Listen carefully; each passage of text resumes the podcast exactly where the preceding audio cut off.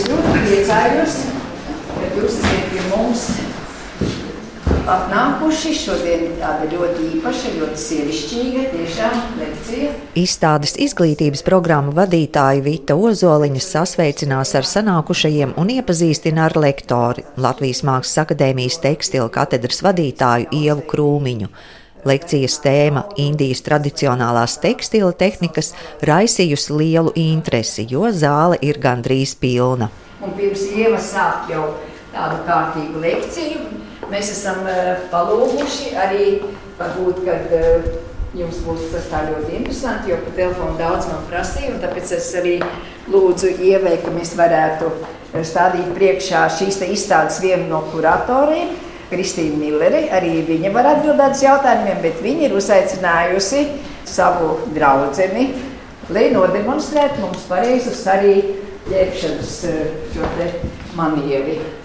Arī es savā laikā nopirku pati Indijā. Tas ir tāds ļoti vienkāršs, un es viņu iegādājos tādējādi, ka man izlikās, ka ļoti līdzīgas krāsas ir tā kā tā, tādas latviskas tās krāsas. Tūdaļ uzzināsim, kā pareizi ģērbt sarī. Izstādes kuratore Kristīna Millere pārtop par modeli, bet indiete Fatima demonstrē arī ģērbšanās metodi, neizmantojot nevienu saspraudi. Šoreiz es no izstādes kurators pārtaps par uh, sarī modeli, un uh, es gribu jūs iepazīstināt ar Fatimu. Viņa mums palīdzēja arī uzlikt visus sarīkus, kurus jūs varējāt redzēt izstādē.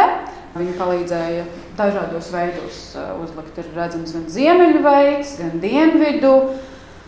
Arī uh, dažādi atsevišķi veidi noteiktos uh, reģionos. Fatima, kamēr ieģērba Kristīni, pastāsta par sarī valkāšanu, to krāsu nozīmi un dažādajiem auduma materiāliem. So, sari is a traditional wear which is worn in India. So it is owned by every. Sari ir tradicionālais indiešu tērps, un uh, to velk katra sieviete, un uh, šis ir uh, kokvilns arī. Pārsvarā tiek izmantot sarkanā krāsa, ja ir piemēram kāzas vai tumša sarkanā krāsa. Dienvidu Indijā tā kā ir ļoti karsts, tad uh, pārsvarā tiek izmantoti kokvilns arī un arī gaišāku krāsu. Sarinu. Cik metru šeit ir? Uh, it is usually like 5 meters. 5 metri. Seko jautājumi, vai sieviete pati var apģērbties un cik ilgu laiku tas prasa. Fatima atbild, ka pašam apvelkot sarī tas ir vienkāršāk un aizņem kādas 5-10 minūtes. Viss atkarīgs arī no auduma, jo kokvilnas audumu apvilkt sarežģītāk, grūtāk veikt ieloces, savukārt sintētiskos vai citus tekstilus ir vieglāk apjost. Kamēr rīta saruna, Kristīna Millere jau ietērpta sarī un demonstrē to klātesošajiem. So, uh, do you have any questions? Vai ir kāds jautājums? Jā, kā jūties tagad eh, arī Es nezinu, kā es izskatos uh, no malas, ja? bet um, interesanti. Nekas nekur nekrīt, un man nav neviena sasprāda arī. Kur viss būtībā ir aizlikts aiz justiņas. Sekoja ievas krūmiņas lekcija, tajā piemēram stāstījums par žakardiem, arī par 2000 gadu senu tekstilu tehniku Jamdanī un daudz ko citu. Uz galda vairāki auduma paraugi, kurus lekcijas gaitā sīkāk pētīt. Man pirms lekcijas bija iespēja aprunāties ar vienu no izstādes Indija tradīciju zeme kuratoriem Baibu Uburģi un lektori Mākslas akadēmijas tekstilu katedras vadītāju profesoru Ievu Krūmiņu. Es esmu ļoti priecīga, ka Dieva piekrita un redz, kāda viņai ir bagātība līdzi, un lai jau pat pastāsta. Mēs tikko runājām par Indijas eh, tekstilu, ka tas ir okeāns. Nu, es arī gribu teikt, ka tas ir okeāns. Un, un tas ir kopā, tas ir neatraujami saistīts ar, gan ar, ar tām daudzajām kultūrām, ar tautām, tautībām, ciltīm, ar, ar viņu valodām, ar, ar dažādiem politiskajiem, ar Indijas vietu vispār pasaulē un, un gadsimtu gaitā. Un ar daž, dažādiem vēsturiskajām peripetijām. Nu, īstenībā bija tā, ka man sākot šo, domājot par šo lekciju, Es šķirstīju grāmatas, meklēju materiālus, un es sapratu, ka var iet visos virzienos, un tā bezgalība ir tik mulsinoša. Un saprotu tikai to, ka nu, vienas dzīves ir par maz, daudzreiz par maz, lai to vispār aptvertu. Bet jūs eh, tās tehnoloģijas mēģināsiet kaut ko no tā aspekta arī pastāstīt? Es mēģināšu, jā, jo kaut ko es esmu redzējusi klātienē nu, no meistariem, kas ir atbraukuši uz, uz Latviju vai kaut kur ārzemēs esot. Un ir dažas tehnikas, kas ir kļuvušas par tādām klasiskām, kuras izmanto jau visā pasaulē, kuras vienkārši ir nākušas no Indijas. Bet mēs dažādās valstīs, gan amatnieki, gan profesionālie mākslinieki, esam adaptējuši un pieņemam kā savus. Šeit arī Latvijā arī, ir. Protams, jā. Un, un starp citu, arī etnogrāfiskajā, gan brīvdabas muzejā un vēstures muzeja fondos var atrast ļoti līdzīgas, gan tehniski, tehnoloģiski radītas lietas. Jā, mums nav dabīgā zīda, mums arī nav kokvilnas, bet, bet mēs ar savu linu un vilnu arī strādājam nemazāk smalki. Un šeit ir arī daži paraudziņi, kā tie šeit nokļuvuši. Mm, tie ir dažādu tehniku paraugi. Tie vienkārši ir tie, kas man ir bijuši mājās. Ir arī dēlītes, apdrukas dēlītes. Tas gan ir oriģināli no Indijas, bet nu, nopirkt šeit Latvijā. Un, nu, muzeja eksponāts nedrīkst aiztikt izstādē, bet nu, šeit, lai, lai klausītāji var pataustīt, es atnesu. Nu, dosimies tad, tālāk mājoklī. Tagad ielūkosimies izstādes Indija tradīciju zeme ekspozīcijā, kurā Kristīna Millere izvadā pa tās dažādajām daļām. Sākam ar mājokli un tur sastopamajiem tekstīliem. Gan gultas pārklāji, paklāji, galdauti, dažādās eh, tehnikās, arī jau pieminētajā spiedogu apdrukas eh, tehnikā. Šeit eh, mēs varam redzēt divus dažādus paklājus. Viens ir no vilnas, būtībā filcēšanas tehnikā, un pēc tam izšūts. Tos sauc par namdas paklājiem. Un šī tehnika un arī šāda veida paklāji Tos gatavoja Indijas ziemeļos, gatavo vēl joprojām mūsdienās. Šī tradīcija aizsākās tāpēc, ka bija ļoti bargas ziemas un bija nepieciešams lai uh, dzīvniekiem būtu silti. Un tad uh, sāka veidot šādus filca paklājus, ar kuriem apklāja zirgus un dzīvniekus. Bet pēc tam uh, jau to sāk izmantot uh, arī mājokļos, lielākoties tieši Indijas uh, ziemeļos. Kristīna Millere pievērš uzmanību traukiem, nelieliem rīsu mērtraukiem. Šie trauciņi ir gatavoti dokras tehnikā. Šo tehniku veids Dokra Damara cilts. Tie ir divi uh, konkrēti reģioni, kas ir centrālā Indijā un uh, austrumindijā. Un, uh, viņi gatavo priekšmetus vaska tehnikā. Tas sanāk zudušā vaska tehnikā. Man diezgan sarežģīti to latviešu valodā. Varbūt ir kāds konkrēts termins tam angļu valodā. Tas saucas lost wax tehnika. Un, tas ir tā, ka būtībā sākumā tiek izveidots vaska modelis. Un pēc tam, kad tiek lietas metāls, vasks pazūd un tiek ieņemta tā forma. Pēc tam pārējais ornaments, ko jūs redzat, tas tiek būtībā uzvilkts virsū uz jau gatava priekšmeta. Un šādā tehnikā viņi gatavoja gan dažādus sadzīves priekšmetus, gan arī dievību figūriņas, kuras ir ļoti interesantas. Mēs tās redzēsim arī tālāk. Jo šeit mēs redzam, ka katrs tas ornaments ir veidots no tādām kā šaurām, tādiem kā metāla matiņiem šeit apvilktiem. Un līdz ar to tās figūriņas eh, arī ir eh, ļoti īpatnējas. Ganašas snuķis, piemēram, ir tāds kā viena šī stieplīte, kas nu, diezgan komiski izskatās, bet šie ir tiek uzskatīti par vienu no tādiem skaistākiem priekšmetiem arī viņiem. Par dievību Ganešu daudz interesanta uzzinām ekspozīcijas daļā, kurā reliģijas un rituālu priekšmeti.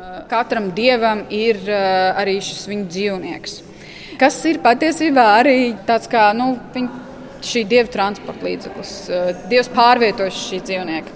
Un tad iedomājieties, ka Ganešs, kas būtībā ir cilvēks ar ziloņu galvu, pārvietojas uz peles.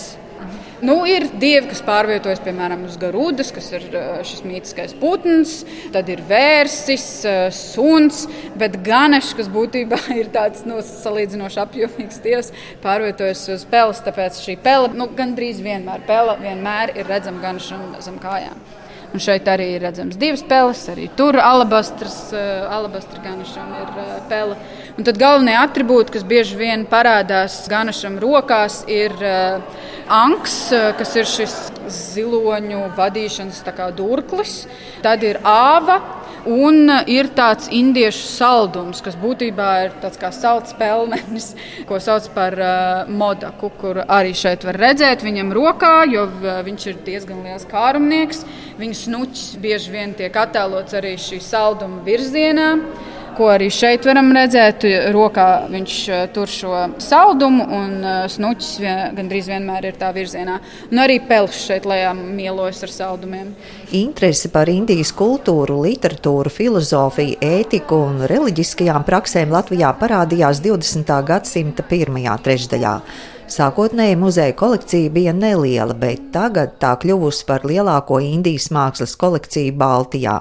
Sarunā ar izstādes kuratori Baibu Uburģi skaidroju, kā veidojusies Indijas kolekcija.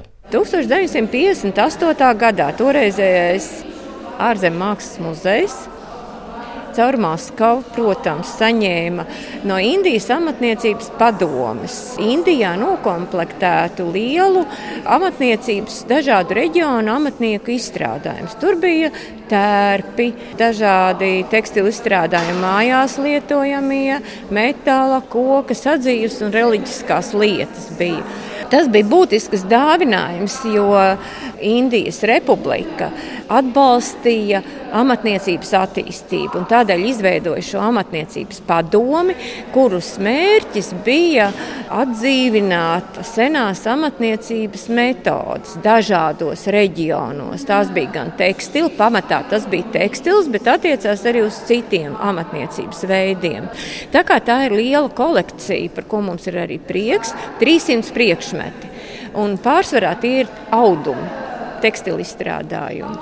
Otra kolekcija ir, kur mēs esam saņēmuši pēdējo sešu gadu laikā. Tā ir vācu baltu izcelsmes vācu diplomāta Kārla Kēlera dāvinājums. Viņš no 1970. 4. līdz 7. gadam strādāja, bija diplomāts, kultūras attašējs Vācijas Federatīvās Republikas. Indijā. Viņš bija tāds aizrautīgs cilvēks, viņam ļoti patika māksla, un viņš bija arī mākslas vēstures studējis pats. Un, um, tā gadu gaitā viņš mums uzdāvināja. Un tad labi ir, kad viena otru papildina. Jo Kēlera kungs mums, piemēram, uzdāvināja vairāk ar atpūtu. Viņš mums uzdāvināja ūdens pīpju pamatnes, huku pamatus, kas mums nebija reliģijas raksturīgas, dažādas priekšmetus, telotas un panča patras ar karotītēm vai dievību figūriņas kuras nebija tajā dāvinājumā, protams, jā, arī rotas lietas.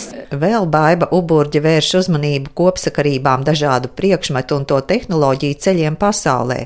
Daudz kas nonācis arī līdz mums, Latvijas teritorijā. Un interesanti ir, ka um, ir veidi, kas ir radušies Indijā, un uh, ir pat tāds geogrāfiskās izcelsmes reģistrs. Nu, piemēram, Benares zīdes arī. Nu, viņi auž konkrētā reģionā, un viņiem ir šī reģiona zīmes, tā kā mums būtu, es nezinu, tur sklandrauši.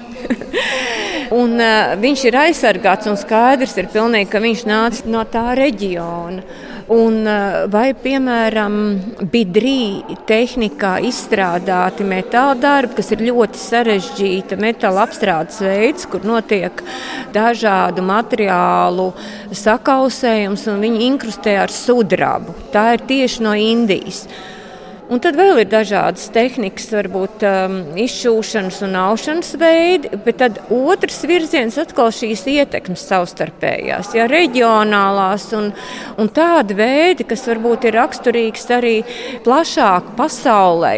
Jo, piemēram, tepat mēs stāvam blakus, ir um, sudraba amuleti. Viņi ir izgatavoti no tādām ļoti plānām sudraba plāksnītēm, te mums ir arī amuletu veidne, un to metodi sauc vai nu kalšana, bet Latvijas saka cizilēšana un kalināšana. Tas nozīmē, ka kā, to plāksnīti kaļ no vienas puses, pēc tam apgriež otrādi un kaļ no otras puses, un tā veidojās reliefs.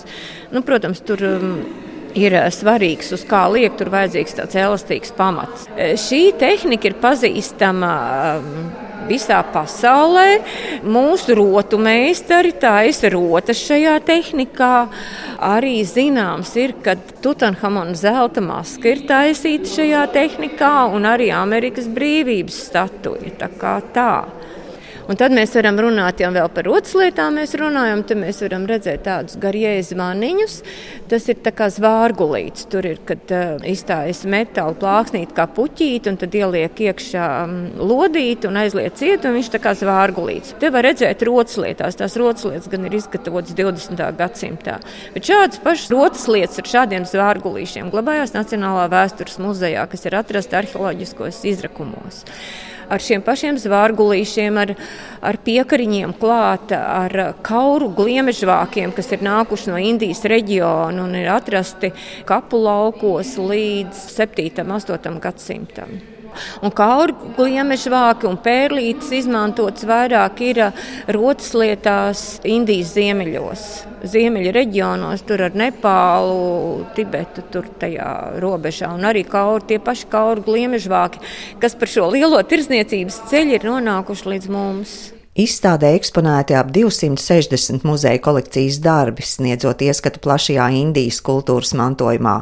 Ik viens no šiem priekšmetiem ir sarežģīts mākslas darbs ar izsmalcinātu ornamentu, motīviem un dizainu, kura izgatavošanas tradīcijas tiek pārmantotas.